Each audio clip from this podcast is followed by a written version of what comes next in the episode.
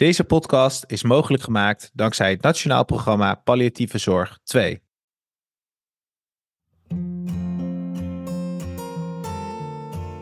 Goedendag, welkom bij de Current Podcast. Ik ben nog steeds jullie host Nick Dekker. Binnenkort zijn nieuwe posters op het perron en op de televisie te vinden over de palliatieve zorg. Als de campagne van start gaat, ongeneeslijk niet uitbehandeld. Vandaag gaan we meedoen met de start van deze landelijke campagne en daarvoor ga ik in gesprek met Rob Bruntik van PZNL en René Dubois, een patiënt. Rob en René, welkom. Hoi. Dank je. Leuk dat jullie er zijn. Um, kunnen jullie je voorstellen aan de luisteraars? En dan begin ik bij Rob. Ja, is goed. Uh, Rob Bruntink, um, werkt bij PZNL als uh, communicatieadviseur. En PZNL is uh, een van de partijen die betrokken is bij het Nationaal Programma Palliatieve Zorg. En voorheen was ik journalist. Ik schrijf al een jaar of 25, denk ik, over palliatieve zorg. En René? Ja, ik ben René Dubois. Ik uh, ben longkankerpatiënt uh, sinds 2018 um, en ik word niet meer beter. En ik krijg dus, ik krijg dus uh, palliatieve zorg al ruim vijf jaar. Dus vandaar dat ik erbij ben. Helemaal goed, dank jullie wel. Rob, we gaan bij jou beginnen. waarom is jullie deze campagne gestart? Uh, ja, om uh, verschillende redenen eigenlijk wel. Maar het uh, belangrijkste is denk ik dat ehm, wij in de praktijk merkten, maar ook wel uit onderzoek weten, dat palliatieve zorg als zodanig een vrij onbekend deel van de gezondheidszorg is. En daardoor missen mensen allerlei mogelijkheden om palliatieve zorg te krijgen. Vormen van ondersteuning, ehm, behandeling, begeleiding, die in feite wel voor hen beschikbaar is. Um, en goede toegang tot die palliatieve zorg begint ook met goed taalgebruik. En wij weten in de praktijk dat mensen vaak in het ziekenhuis ervaren alsof er tegen hen gezegd wordt als ze ongeneeslijk ziek zijn: van u bent uitbehandeld of, of we kunnen niks meer voor u doen. En dat zou misschien in medisch opzicht best wel waar kunnen zijn hè, ten aanzien van de ziekte. Misschien kun je daar inderdaad niet zoveel meer tegen doen. Maar dat betekent niet dat er helemaal geen zorg meer is of dat er helemaal geen vormen van ondersteuning meer zijn. En uh, nou, dat willen we min of meer proberen in te vullen met de campagne. Door nadrukkelijk te zeggen, ook al ben je ongeneeslijk genoemd, uh, dat betekent niet dat je uitbehandeld bent. En hoe meer mensen dat weten, hoe groter ook de kans dat ze misschien op zoek gaan naar palliatieve zorg of dat ze het vanuit hun zorgverleners aangeboden krijgen. Dus dat is uh, een beetje in, in het kort gezegd de concrete aanleiding geweest. Ja, dus ook echt gericht niet op zorgverleners, maar juist op de, de mens, de patiënten, de naaste, mensen uit de buurt. Ja, klopt. Ja. ja. Waar, uh, waar gaan we het allemaal te zien krijgen? Nou, op best wel veel plekken. Op hoofdlijnen bekeken hebben we het over advertenties. die bijvoorbeeld in kranten komen te staan en ook in tijdschriften. kranten moet je denken aan, ja, volgens mij ongeveer andere, alle landelijke kranten die in het weekend voor kerst verschijnen. Maar ook in tijdschriften zoals het tijdschrift van KBO, PCOB, uh, tijdschrift van Omroep Max. Uh, ja, ook de radiogids van de Micro, NCV, nou, dat soort tijdschriften. verder de abris, die komen vooral in de grote steden naar voren. En elkaar opgeteld, volgens mij wordt ook 300 keer een tv-spotje getoond op zowel Ster als ook bij Talpa, dus bij de commerciële jongens, als ook bij NPO 123. Uh, en dat zal allemaal zijn zo tussen kerst en pakken beter 7, 8 uh, januari. Daar kun je de campagne-uitingen allemaal tegenkomen. Wordt er al zenuwachtig van als je alles zo opnoemt. Maar hoeveel werk dat wel Ik niet moet zijn. ja. Wat zeg je, Nick? Dat, dat, ik al zenuwachtig word van hoeveel werk dat allemaal moet zijn. Oh, zo. Ja, nee, dat, ja, gelukkig doe ik het uh, niet allemaal in mijn eentje hoor. Er is uh, een heel team binnen PZNL, het team maatschappelijke bewustwording, zoals we dat dan noemen, die zeg maar gezamenlijk hieraan werkt. Dus, en we hebben ook een mediabureau ingeschakeld die zeg maar vooral voor het creatieve deel het een en ander doet. we hebben een contactpersoon die al het regelwerk gedaan heeft richting zeg maar de abri-boeren en richting de mediabedrijven die vervolgens ook als uitgeverij tijdschriften uitgeven. Dus nee, ik, ik, hoef niet gelukkig alles in mijn eentje te doen. Dat, dat zou niet mogelijk zijn. Ja, en dan uh, ga ik naar René toe. Want Uh, René, waarom heb je besloten om mee te werken met deze campagne? Nou ja, wat ik net zei, ik word ook al een beetje zenuwachtig als ik hoor wat Rob allemaal noemt. Uh, um, dus, uh, maar ja, ik heb besloten om mee te doen omdat ik het punt 1 heel belangrijk vind dat eigenlijk iedereen weet wat um, palliatieve zorg is. Um, en niet alleen mensen die uh, uh, ziek zijn, maar dat iedereen dat weet, zodat je als er iemand uh, mogelijk palliatieve zorg nodig heeft, dat je iemand daarop kan wijzen. want de term palliatieve zorg wordt nog, nog alles, um, zeg je dat, voor verwisseld, zeg maar, met uh, terminale zorg. Nou ja, en nou is het wel een gegeven dat ik niet meer beter word en dat ik hier uiteindelijk aan deze ziekte zal overlijden, maar dat is nog lang niet zo. Dus, um, nou ja, het, iedereen moet dat weten, dat je ja. nog een tijd kan leven en uh, die zorg dan ook kunt krijgen. Wat zou je kunnen vertellen wat voor palliatieve zorg je krijgt? Of wat voor toegang tot zorg je op dit moment dan neemt of krijgt? Um, nou, ik word palliatief behandeld. Uh, de, uh, dus de behandeling in het ziekenhuis is erop gericht om de ziekte te remmen. Um, en, um, en gelukkig lukt dat nog. Dus uh, dat is wat bij mij nu aan de orde is. De, de, de ziekte wordt geremd uh, door middel van medicijnen. En uh, dat is tot nu toe de, de, de, enige palliatieve zorg die ik uh, nodig heb. Maar ja, er gaat nog heel veel komen ook. Ja. Ja, ja, voor Rob, de mensen die misschien deze aflevering luisteren en de rest nog niet hebben gehoord, wat voor andere type zorg kan je in deze fase van het leven nog allemaal krijgen? Ja, dat is wel goed dat je dat even opmerkt. In totaal zijn er zeven patiënten die aan deze campagne deelnemen. René is een van onze boegbeelden, zeg maar. Uh, er zijn er dus uh, nog zes meer. En we hebben ook al die zeven mensen uh, geïnterviewd over wat ze zoal aan palliatieve zorg ontvangen. Dat staat ook allemaal op de website overpalliatievezorg.nl. Dat is ook de website waar we in de campagne telkens naar verwijzen. En dat mensen daar dus meer informatie, over, meer informatie kunnen vinden over wat die palliatieve zorg zoal kan omvatten. En ja, om maar iets te noemen, er, kan uh, geestelijke zorg onder vallen, er kan ondersteuning uh, voor de mantelzorg onder vallen, er kan uh, begeleiding onder vallen voor de kinderen van patiënten, zodat kinderen ook wat uitleg krijgen over wat de ziekte betekent. Of stel dat ouders moeite hebben met het vertellen van verhalen over wat er in de toekomst nog verder gaat gebeuren, dat ook het onderwerp dood aan de orde komt. Daar kan men ook begeleiding bij krijgen. Wat René al aangeeft, dat zij ook in het ziekenhuis uh, palliatief behandeld wordt. Dat kan chemo of radiotherapie uh, zijn of andere vormen van therapie. Dat valt ook allemaal onder palliatieve zorg. Het is eigenlijk een heel breed geheel. dan de vrijwilligers palliatieve terminale zorg kan ik nog noemen, die vaak wel specifiek gericht zijn natuurlijk op de terminale fase, dat, zo, ja, zoals de naam al doet vermoeden. Maar er is echt een ontzettend breed scala aan zorg beschikbaar. Dus daar zouden we gerust nog een aparte podcast over kunnen vullen, denk ik, met het uh, hele brede aspect. Zeker. Hoe is het dan, René, om uh, straks dan overal ineens jouw gezicht op de posters te zien? Want ik begreep dat je vorige keer ook hebt meegedaan. Hoe was dat toen? Ja, dat was heel bijzonder. Ik kreeg uh, van allerlei mensen foto's uit allerlei plekken in Nederland. van, hey, ik zie jou hier. Um, mijn echtgenoot kon op deze manier mij voorstellen aan hem uh, toen hij met zijn collega in Amsterdam rondliep. Hij zei: Kijk, dit is mijn vrouw. dat was heel leuk. En ik kreeg ook uh, een van de mooiste foto's die ik toegestuurd kreeg, was een, um, was een foto waarbij mijn afbeelding echt drie, vier rijen dik op het station hing. Uh, ja, klopt. Ja, dat was in wel... Eh, station Utrecht. Ja, heb ik jou toegestuurd. Ja, die hebben we gekregen van uh, de Abriboeren. Ja. Ja, ja, die, was echt, uh, die was echt fantastisch. Dus uh, Wat ik kan me ook voorstellen. Ja, ik kan me voorstellen, René, namelijk dat ook heel veel patiënten zouden zeggen dat het zo confronterend kan zijn, juist.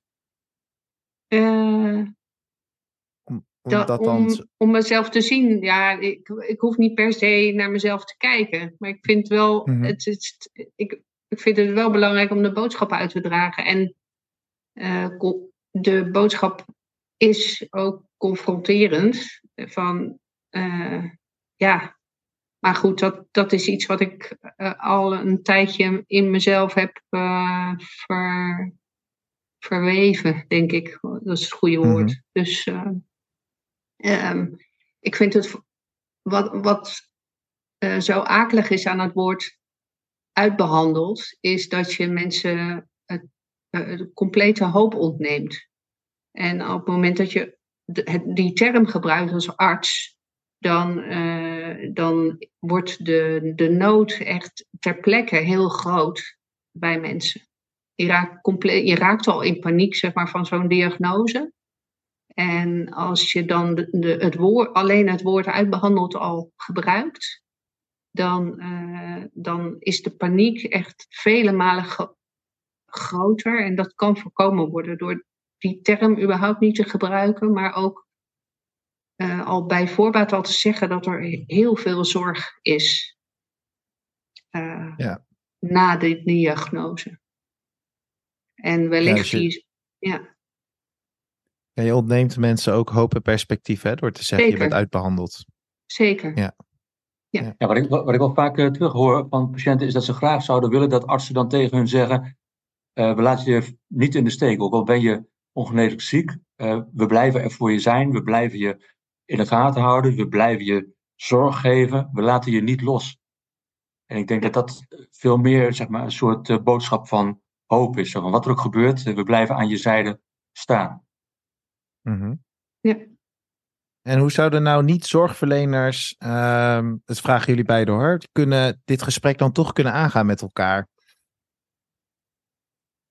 Dus de buurvrouw of de Ehm. buurman, hoe, eh, want René, wat, wat, wat voor dingen ben je tegengekomen waar je juist wel heel veel steun aan hebt? Of wat zijn misschien juist dingen die je absoluut liever niet hoort van eh, mensen om je heen? Ja, dat is eh, interessant. Dat weet ik eigenlijk niet zo goed. Eh, eh, ehm, ik vind het vooral fijn als het ook nog steeds gaat over het leven. Eh, en niet mensen mij alleen maar zien als eh, zij is ziek. En oeh, dan moeten we het alleen maar hebben over haar ziekte en over, over doodgaan. Mhm. En over hoe dat is om dan zo ziek te zijn dat je eraan doodgaat. Dan denk ik, ja, nou, dat moet je me dus niet vragen, nee, op straat. Maar ehm, het is wel heel fijn als, als mensen gewoon kunnen, ook kunnen mee, eh, meeleven, letterlijk. In dat ik gewoon mijn ding doe en nog steeds zo ga zoals ik ga. Ehm, en niet altijd maar gefocust zijn op het, dat stuk wat, eh, wat er ook is, maar waar, ja, waar ik niet altijd eh, mee bezig ben.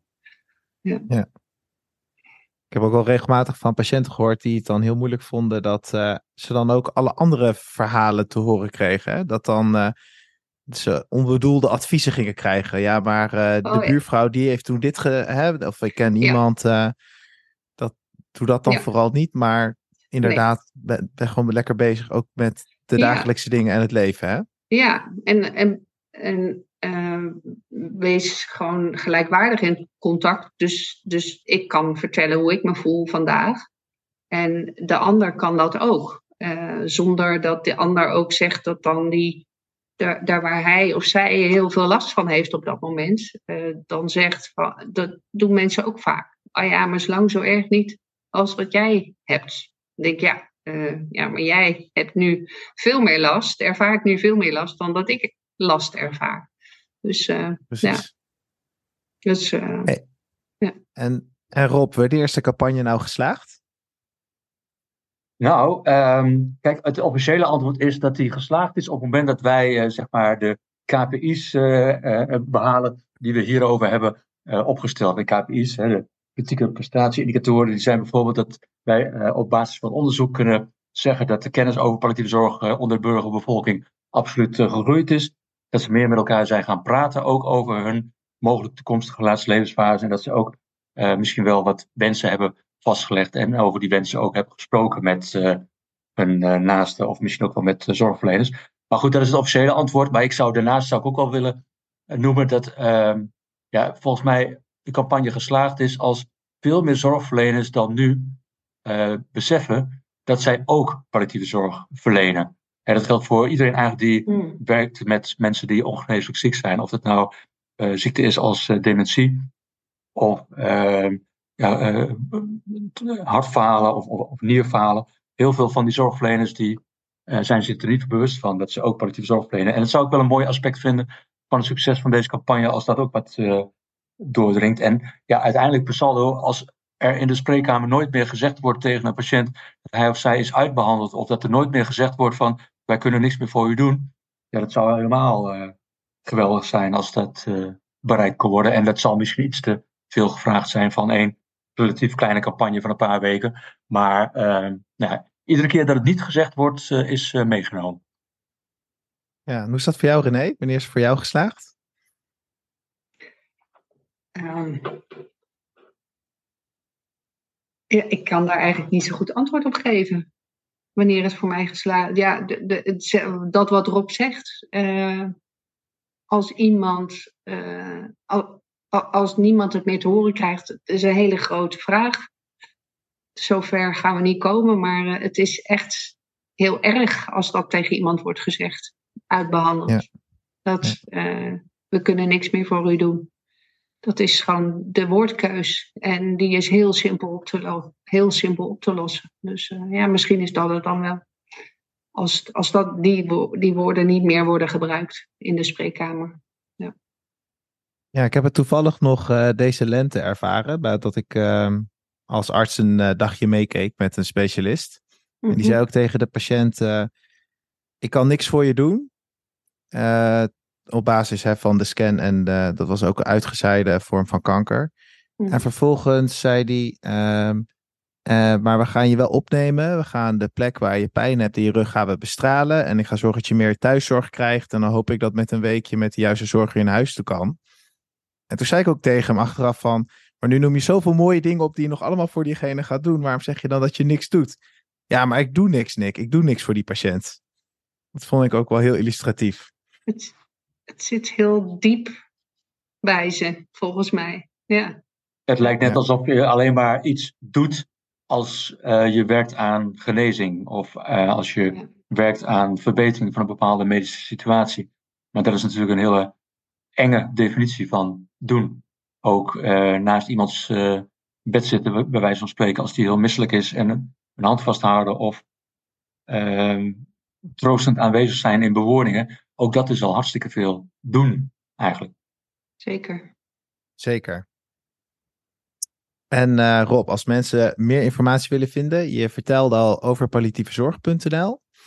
Ja, klopt. Uh, in de campagneperiode komt er een speciale websitepagina's, ja, met name gericht ook op uh, deze campagne. over palliatievezorg.nl is het inderdaad. En dan vinden mensen allerlei nou ja, interviews, dus bijvoorbeeld met de zeven patiënten die aan deze campagne deelnemen, maar ook uh, vele tientallen voorbeelden van uh, zorg, uh, vormen van ondersteuning, begeleiding, behandeling, die allemaal onder het brede begrip palliatieve zorg vallen. Ja. En willen jullie nog iets meegeven aan de luisteraars, allebei? Wat zullen we zeggen, Rob? Ehm, ja, geniet van het leven, zoiets. Is dat een mooie? dat. Zeker. Ja, en wees dus ook niet schuw om gewoon uh, degene die misschien in je omgeving in zo'n positie zit, om gewoon het gesprek aan te gaan. Hè? Ook vooral dat. Nee, nou, dat is, eh, ik wist dat je zeg maar, op die uh, manier uh, probeerde in te kaderen, maar dat is inderdaad wel van belang. Ja. Dat, ik denk ook niet dat je het perfecte gesprek kunt voeren. Ehm, sta van jezelf toe dat je mag stuntelen. heb, heb lef, doe het gewoon. Maak die handreiking. Ehm, nou ja, laat tonen dat je aan iemand denkt of dat je met iemand meeleeft. Daar, eh, daar gaat niemand dood aan. Nee, dat denk ik ook niet. het is heel fijn als mensen het doen. Ja, blijven doen wel. En niet schromen. En uh, ja, dan uh, komt het vanzelf wel tot uh, goede bewegingen. Ja. ja, Rob en René, dank jullie wel. Dank jullie wel voor jullie inzet om de palliatieve zorg nog bekender te maken in Nederland. En luisteraars, check de billboards en de televisiespotjes. En uh, ga met elkaar het gesprek aan.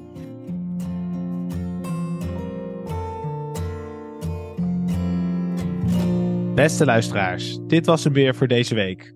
Abonneer op onze podcast om geen enkele aflevering te missen. En stuur je reacties naar podcast.carent.nl of ga naar onze website. Bedankt voor het luisteren. Deze podcast zou niet mogelijk zijn zonder onze samenwerkingspartner, het Nationaal Programma Palliatieve Zorg 2 van Stichting Palliatieve Zorg Nederland. Zij maken kennis en ervaringen beschikbaar via de websites overpalliatievezorg.nl voor patiënten en palliaweb.nl voor zorgverleners. Tot volgende week.